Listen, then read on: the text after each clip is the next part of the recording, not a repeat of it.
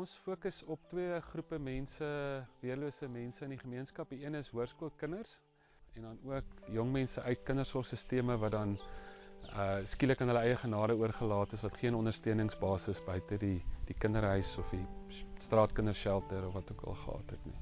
Ons fokus maar kwaai op uh, skills development met die ouens, veral met die groente en die en die diere wat ons hier het. So deur die proses leer die ouetjie bietjie meer van handewerk So daar kom 'n bietjie rotine in die ouetjies se lewens in en hulle kan 'n voldag werk. Ons probeer daai ou handelinge stelsel herontdek waar daar staan die eerste prentjie van die kerk en hulle het alles gedeel en niemand het niks tekort gehad nie. So 'n tipiese huisie net maar waar daar 13 mense bly sal so 8 of 9 van die mense hierdie jong mense wees wat geen familie het nie en dan die die ander 5 is gewone mense wat voel jy ons ons doen dit nie om geseën te word nie ons doen dit want ons wil graag geseën wees ons wil iets teruggee en wat dan hulle karre en hulle ervaring en hulle skills en hulle netwerke en alles met hierdie kinders deel en saam met hulle leef.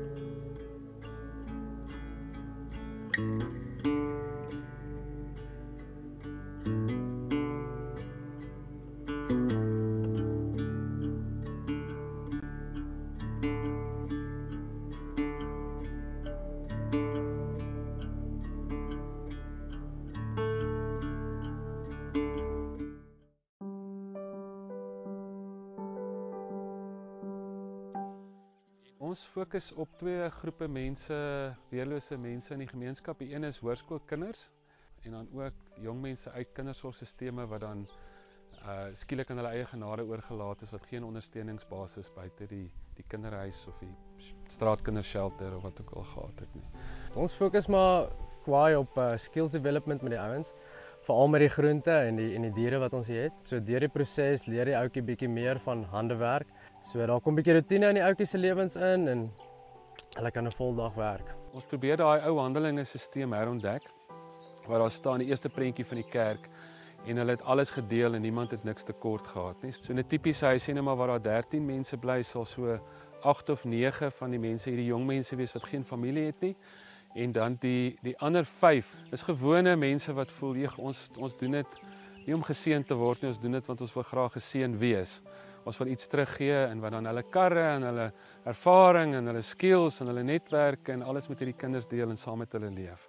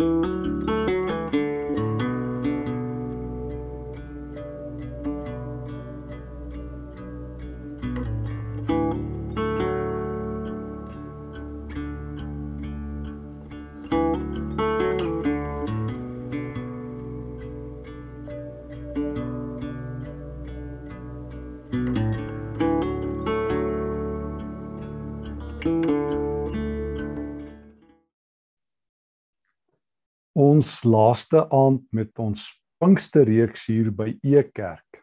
Wat 'n eer vir myself om vanaand ook regstreeks en lewendig saam met jou te reis uit die Heer se woord. Ek het gisteraand en eergisteraand met soveel seën geluister ook na die Here se woord. Um ek moet nog gisteraand se goed deurluister, maar eergisteraand se nog dankie Peer uh ook vir Handelinge 10 en vir die sigte van die Heilige Gees. Vanaand gaan ons bietjie stil staan by superkragte. Kom ons bid saam. Here, wil U vanaand U krag in ons loslaat. Wil U die krag waaroor ons hierdie week uit die woord uit nagedink het, in ons elkeen se lewe ontvou tot die eer van u heilige naam. Amen.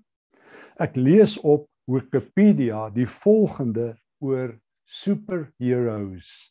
Superheroes are individuals who possess extraordinary superhuman abilities and are dedicated to protecting the public. A superhero film or movie is a film that focuses on the actions of superheroes. En in 2019 toe hierdie filmgenre hulle hoogbloei gehad het, die superheld films, het um, een van daai Avengers films oor die 2 miljard dollar ingebring as ek dit reg het. Dit is 'n enorme industrie. Spider-Man, Thor, jy noem hulle Hulk, Superman, Batman. Um hulle almal is die nuwe helde van die dag. Almal is op soek na superhelde in die superheld uh, genre films. Superhelde het spesiale kostuums aan. Hulle het 'n alter ego as 'n uh, Clark Kent, Clark Kent is met sy bril op en ek weet nog nooit hoe kon hom nie herken het as Superman nie maar as hy sy bril op het, dan kan hy nie sy superkragte gebruik nie. As Batman in die gewone lewe Bruce Wayne is, kan hy nie sy Batman dinge doen nie ensovoorts. Peter Parker kan nie Spider-Man wees as hy in sy Peter Parker uitrusting is nie. Almal het daarom agtergekom Iron Man is uh meneer Stark. Maar feit is, almal is op soek na superkragte. Ek kan onthou so rukkie terug toe ek hoor hoe mense sit en praat 'n paar kennisse sit en praat oor superkragte en jong mense sê as jy 'n superkrag kon hê, wat sou dit wees? Hoe iemand sê haar ma het superkragte gehad. Sy kon 'n gewone toebroodjie toe hulle baie arm was omskep in 'n feesmaal. En ek dink toe by myself, my pa het superkragte gehad. Hy kon rande rek en ons gesin daarmee onderhou. Maar feit bly, ons almal het superkragte. Ja, jy het reg gehoor ons almal het superkragte. Een van die heel basiese leerstukke van die Nuwe Testament wanneer dit oor die Heilige Gees se werk in ons lewe gaan en die vrug wat sy werk in ons lewe het, is dat daar aan elke Christen 'n superkrag gegee is. Superhelde almal van ons. Ons noem dit charismata of genadegawes. En dis jammer dat ons nie breed en wyd en diep genoeg in die skrif oor die gawes van die Here nadink nie. Ek sê weer een van die heel basiese leerstukke wanneer die gawes van die Gees ter sprake is of soos wat ons dit vertaal het in in hierdie nuwe vertaling die spesiale hemelse geskenke van die Here is dat die Here aan elke Christen minstens minstens een spesiale geskenk 'n uh, 'n bonatuurlike geskenk gegee het. En ek het 'n vermoede en ek ek glo jy gaan met my saamstem as die Heilige Gees iets vir jou gee, dan is dit 'n spesiale bekragtigde geskenk. Ek wil net net ten minste die Pauliniese tekste hier hier uh, hier saam met jou lees. Romeine 12, 1 Korintiërs 12, Efesiërs 4, ook in 1 Petrus 4 kan jy oor die charismata of die superkragte lees. Ek het sommer die tekste hier uit die Bybel net op my selfoon ingetrek. So as ek hier op die selfoon lees, dan kan ek dit net 'n bietjie bymekaar sit en dan eenskakel. Ek lees in 1 Korintiërs 12. Daar is 'n groot verskeidenheid van spesiale genade geskenke.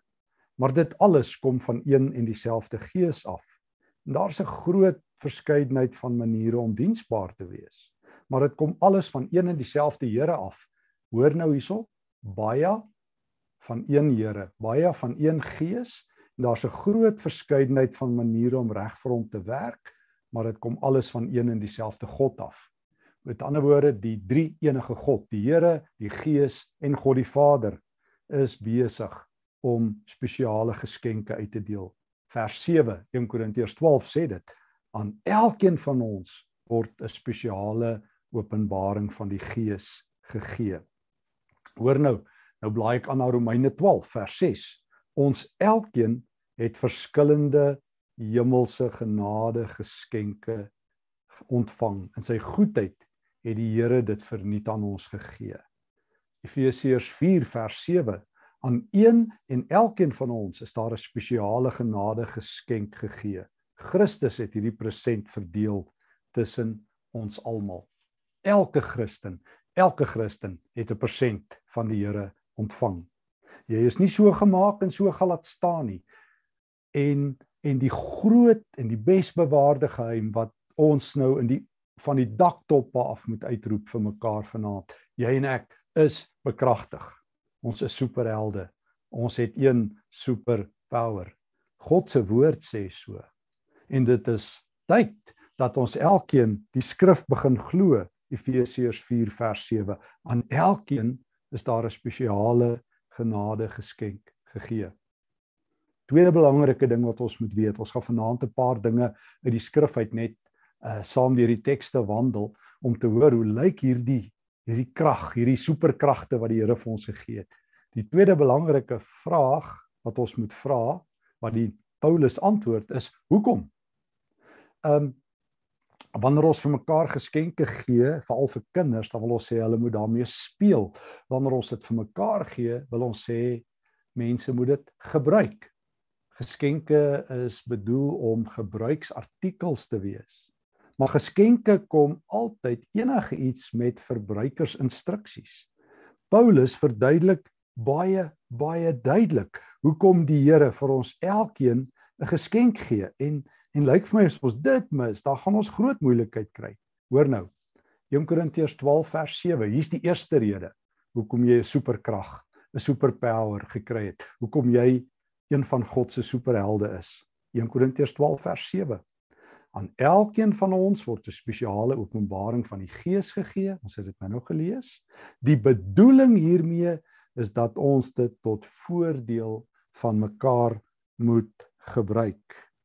Maar ehm um, daar is nog een teks terug. Ek moet eers 1 Korintiërs 12 vers 6 gelees het.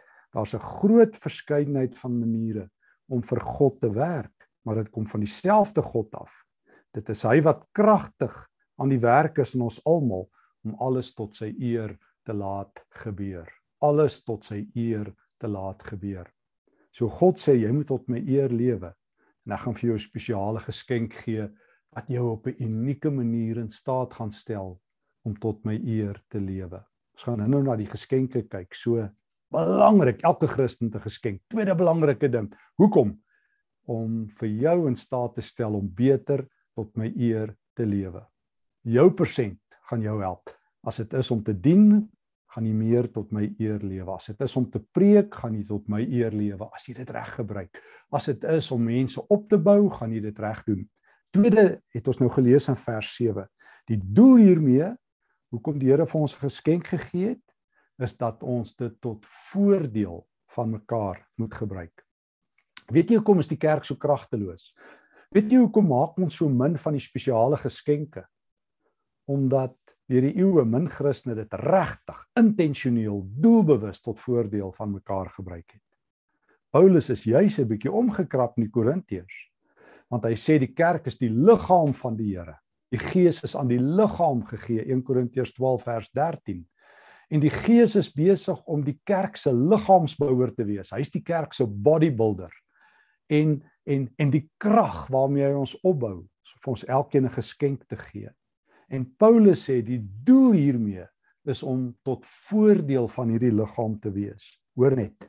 Paulus sê dit glashelder in Romeine hoofstuk 12. Kom ek lees vir jou so 'n stukkie as ek net aanblaai na Romeine 12 vers 4. Daar's baie ledemate in ons een liggaam. Tog het nie al hierdie ledemate dieselfde funksie nie. Op dieselfde manier is ons almal saam Christus se een liggaam hier op aarde. Ons elkeen is ledemate van hierdie liggaam. Ons het mekaar nodig. En daarom het die Here vir ons elkeen genade geskenke gegee. Daarin in 1 Korintiërs 12 sê hy een ou is 'n oog, een ou is 'n oor, een ou is die hand. Die oog kan nie kwaad wees vir die hand en die voet vir die oor ensovoorts nie. Elke Christen is tot voordeel van 'n ander Christen.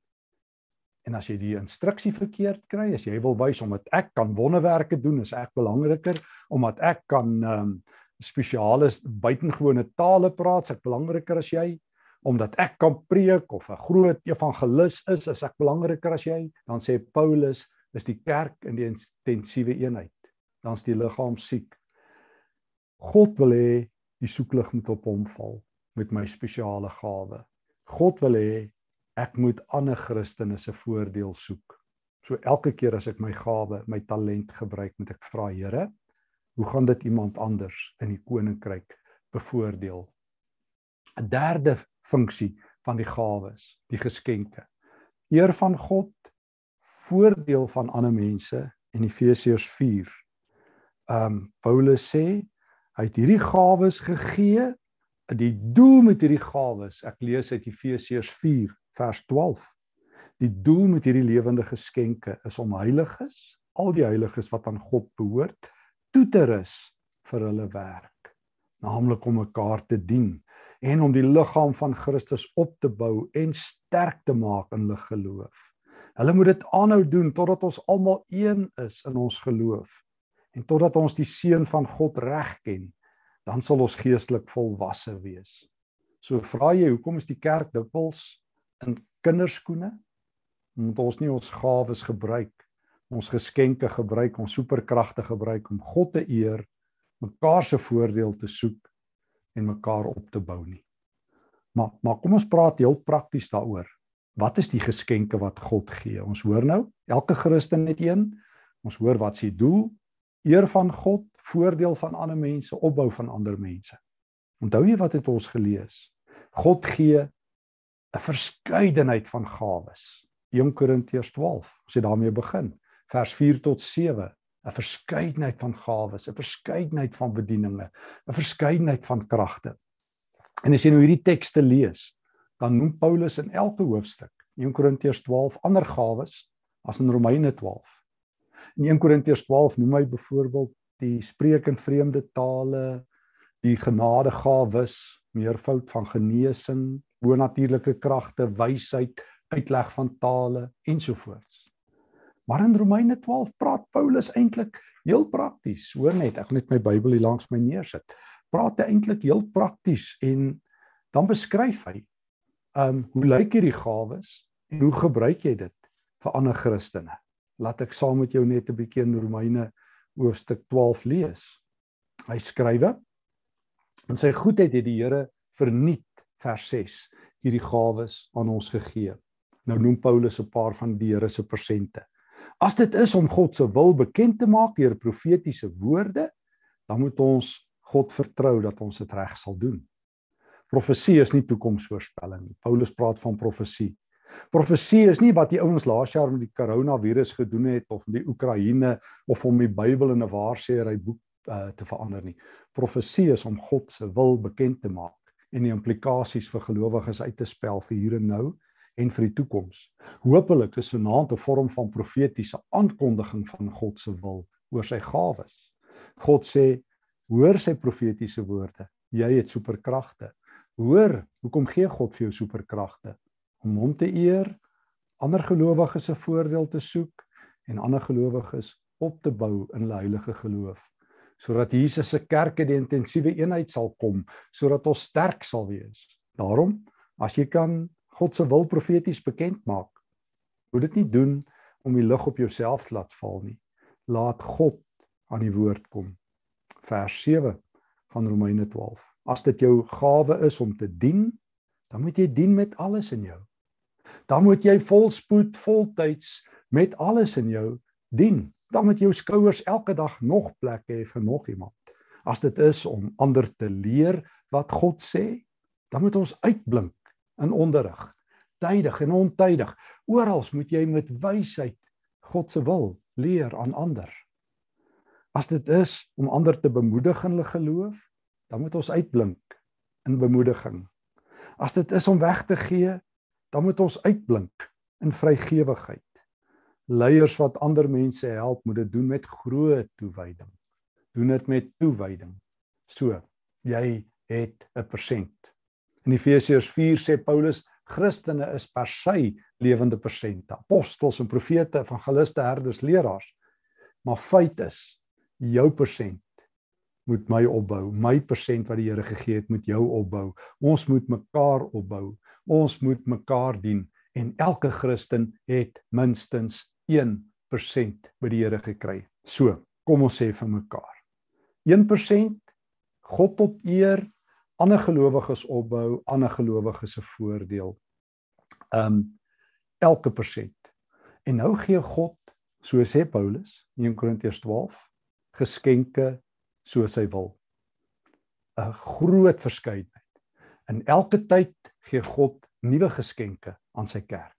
Ek meen hier is ons in 'n digitale wêreld. Deur die Here se genade is Peer en Marcel. Peer het gisteraan die woord verkondig, maar vanaand sit Peer en maak seker hy saam met my aanlyn en maak seker dat hierdie uitsending na jou toe kom. Die Here het vir Peer en vir Marcel Grywenstein hierdie gawes gegee by ons Ekerk en by baie ander kerke in die tyd waarin ons lewe om tegnologies vaardig te wees. Die Here gee gawes wat sy kerk nodig het om die liggaam van Christus op te bou sodat ons vanaand mekaar se geloof kan opbou sodat my gawe kan funksioneer en jou gawe kan funksioneer en die Here die eer kan kry. So elke Christen het 'n gawe tot voordeel van mekaar soos wat die Here wil. Ek kan nie kwaad wees vir 'n ander prediker nie. Ek kan nie kwaad wees vir iemand wat mooi sing. Um tot eer van die Here nie of iemand wat vinnig hardloop tot eer van die Here nie of iemand wat 'n goeie boekhoudster is tot eer van die Here nie. Elkeen het 'n gawe tot eer van die Here. Kom ek maak dit nog verder prakties. My talente word ook gawes. Um talente, ons almal het talente. Party kan hardloop, party kan skryf, party is tegnies aangelê, party kan mooi vaardig werk met hulle hande, kunstig werk, ander kan goed somme doen, rekenkunde doen, wiskunde doen, komplekse uh, wetenskaplike probleme ontleed. Wanneer ek dit vir die Here gee, wanneer ek sê Here, ek doen dit vir U, ek wil ander mense daarmee opbou. Ek wil nie net vir myself 'n loopbaan bou nie. Ek wil nie net vooruitgaan in die lewe sodat almal sê ek is suksesvol nie. Here, hoe kan ek die kerk dien met my talent? Hoe kan ek as ek 'n goeie wetenskaplike is, 'n goeie wiskundige is, 'n goeie houtwerker is, 'n goeie werktuigkundige is, ander gelowiges dien, uh, hulle geloof opbou tot u eer te doen. It's not about me. It's about you Jesus and it's about you fellow believer uh in die taal van uh die Nuwe Testament. Maar dit is baie belangrik dat ek die die gawes van die Here reg sal gebruik. 1 Korintiërs 12 sê as jy jou gawes verkeerd gebruik, as jy soek lig op jou val, stop dit. As jy preek om jou vir almal te wys kyk net hoe goed is ek, stop dit. As jy musiek maak by 'n kerk net om vir almal te wys hoe mooi sing jy, bly stil. As jy jou gawe gebruik om vir almal te wys hoe vinnig of hoe sterk of hoe oulik is jy, moenie. It's not about you. Dit gaan nie oor jou nie. Die regte gebruik die verbruikersinstruksies wat God gee. Sy eer, ander se voordeel en ander se opbou. So as jou gawe niemand opbou nie, bly stil. As jou gawe niemand in hulle geloof laat groei nie, moet dit nie gebruik nie. Ander se voordeel. Vervolgens die talente en die gawes van die Here. Use it or lose it. Gebruik dit of verloor dit. Jy onthou jy daai gelykenis wat Jesus vertel Matteus 25 vers 14 tot 30 van die een talent en die twee talente en die vyf talente wat die werkers gekry het, die geldstukke om mee te woeker.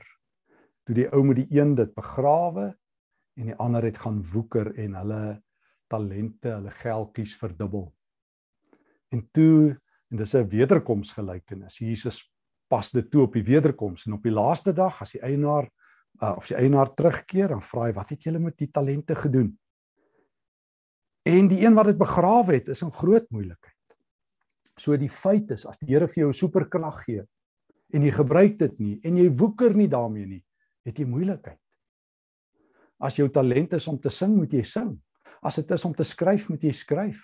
As dit is om te hardloop, moet jy hardloop. As dit is om te preek, moet jy preek, om leierskap te doen, om op te bou, om te dien. Ek het al die verhaal vertel, dit het my lewe verander. Ek het dit onlangs net weer neergeskryf. Toe ek so jong ouetjie was, het ons een keer 'n kongres bygewoon. En by die kongres was daar 'n dame wat uh, tee gemaak het vir al die kongresgangers. En na die tyd het een van ons vriende gegaan en vir die dame dankie gesê. Toe sê sy die een sinnetjie, meneer, die Here het net vir my een talent gegee. Ek kan tee maak. Dis al. Ek kan nie naaldwerk doen nie, nie goed kos kook nie, nie ek's nie 'n goeie huishoudster nie, maar tee, dit kan ek maak. En nou sê ek die Here se tea lady. Nou meld ek aan waar ek kan, ek maak tee vir Jesus. En toe weet ek, sy het my geloof opgebou, sy het ander se voordeel gesoek en sy die Here se naam laat skitter. Sy het haar persent gebruik, die Here se tea lady. As jy net moet tee maak, maak tee vir die Here. As jy moet karre was of karre oppas, doen dit vir die Here. Doen wat jy doen met skitterende perfeksionisme en toewyding, maar doen elke dag. Daar moet 'n dringendheid by jou wees. Een van die boeke hier op my boekrak van John Cotter, A Sense of Urgency, 'n dringendheid. Hy dis sommer net 'n leierskapboek. Hy sê alle leiers wat hy ken wat effektief is, het dringendheid. Nie hurriedness, gejaagdheid nie. Urgency, dringendheid in hulle. Hulle kan nie 'n dag laat verbygaan dat hulle nie gewoeker het met daardie een talent nie.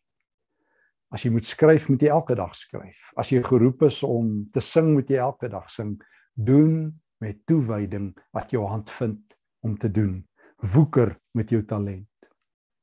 Doen minder meer. Moenie alles vir almal probeer wees nie.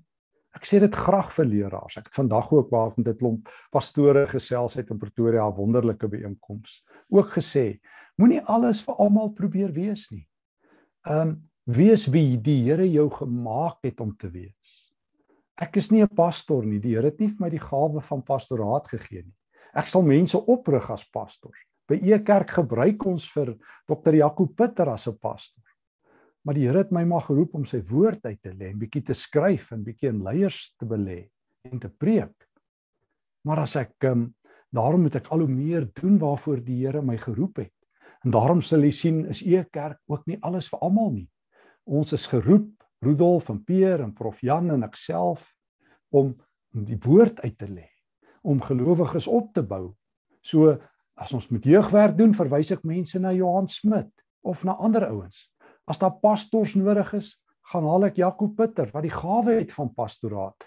Ek moet doen, ek moet minder doen, meer. Hier agter my erns staan het ek al verwys na Jim Collins se boek Good to Great. Waar hy sê die verskil tussen die vyand van good is nie bad nie, maar great. En dit is maklik om 'n paar goed, hele klompie goeders goed te doen. Maar as jy dit uitnemend wil doen, moet jy minder doen en dit meer doen. Dit is die beginsel van die Here se gawes aan elkeen afsonderlik word 'n gawe van die Heilige Gees gegee tot voordeel van ander. Pastoor dominee, doen wat jy geroep is om te doen. Rig gelowiges op om die res te doen. Jy hoef nie die beste in alles te wees nie. Wees die beste jy wat die Here jou gemaak het. Hy het vir jou een superkrag gegee of twee. Gebruik dit goed en sy kerk sal floreer. En ehm um, beskou jou gawe, jou talent wat die Here jou gegee het as 'n bediening. Ek onthou Bill Easem, een van die bekende kerkleiers in Amerika, op 'n dag het ons 'n voorreg gehad om by hom te wees daar in Texas. Toe het hy gesê die kerk sal blom as elke Christen dit wat hulle vir die Here doen as 'n bediening, 'n ministry beskou. As jy die Here se tea lady is en dis jou bediening. As jy by die kerk die motors oppas en dis jou bediening as jy die woord moet bekend maak en dis jou bediening. As jy 'n onderwyser is en dis jou bediening. As jy 'n huisvrou is en dis jou bediening. As jy iemand is wat bemoedig en dis jou bediening. O, dan blom die gawes van die Here. Jy sê die kerk is kragteloos, so moontlik. Die Gees is losgelaat. Die Gees is in ons midde. Hy sug namens ons en in ons. Hy praat met die Here, soos Peer gesê het die gees het deurgebreek. Ons is uh, gedoop in die gees 1 Korinte 12 vers 13. Ons is vervul met die gees. Ons het die krag om te getuig, die krag om leiding te vat. Ons het die krag om te skyn en te skitter. Die gees is besig om deur ons te werk. Ons hoef nie eers sy krag te voel nie. Ons is geleiers van die grootste krag in die heelal, Dieselfde krag wat Jesus uit die dood uit opgewek het. Hoe kan ons, hoe durf ons, hoe mag ons sê ek elendige mens terwyl die lewende Here besig is. 2 Korinte 3:18 om ons te verander van sy heerlikheid tot heerlikheid. Daarom loop ons in die kragveld van die Gees weer in vanaand. En ons sê soos wat Paulus ons leer in Efesiërs 5 vers 18, vervul ons, o Heilige Gees. Laat ons opnuut vol wees van hierdie lewende krag en laat dit uitlek. Dankie dat ek 'n talent, 'n gawe, 'n spesiale krag gekry het by U. En laat my dit opnuut ontdek, Here, en laat ek hierdie talent tot ander mense se voordeel gebruik elke dag. Laat ek elke dag woeker. Dat my gawes sterker en sterker funksioneer, dan sal die kerk gesond wees. 'n Liggaam waar gelowiges vir mekaar omgee, mekaar dien. Want dis die doel van die Gees om ons sterk te maak, soos Paulus sê. Um wanneer ons so in die kragveld van die Gees lewe, um dan sal ons die volheid van Christus weerkaats. Efesiërs 4 vers 10. Dan sal ons nie meer soos klein kindertjies wees nie. Dan sal ons nie deur golwe rondgegooi word nie of heen en weer gewaai word deur elke wind vol vreemde leringe nie. Dan sal die liggaam van Christus opgebou wees. O wanneer die Heilige Gees deur ons waai, dan gebeur daar groot dinge. Dan is daar groter krag groter vryheid. Kom ons stel ons oop vir die werk van die Gees. Liewe Here, ons bid dat die Gees deur ons sal waai. Ons bid dat U ons sal vervul met nuwe krag. Ons pleit Here dat ons hierdie geskenke wat U vir ons gegee het, sal gebruik met oorgawe. Dankie vir elke geskenk wat U vir elke Christen gegee het. Maak ons mense met superkragte wat dit gebruik, wat ander opbou en dien wat ander op die hande dra en op die skouers. Here, leer ons elkeen opnuut wat is ons superkrag en leer ons om dit te gebruik. Dankie vir hierdie Pinksterreeks. Dankie vir nuwe skatte uit u heilige woord. Dankie dat u Gees self ehm um, die woord in ons harte sal oorskryf. Lei ons, Here. Lei ons in Jesus naam. Amen. Dit was 'n voorreg. Wat 'n voorreg om saam te kon reis. Dankie vir die eer. Dankie vir die Pinksterreeks. Dankie Dr. Peer Engelbregt. Dankie vir al die e-kerkers. Vrydagoggend is dit weer ons Bybelskool elke Vrydag in die kwartaal. Uh Handel ag amper sê ek Handelinge. Lukas 11 is aan die beurt. Um, die pragtige gelykenis van Jesus. En Sondag as die Here wil ouer gewoonte e-kerk regstreeks Sondagoggend 9uur. sien uit om um, verder in die week saam met mekaar te reis. Vrede vir jou.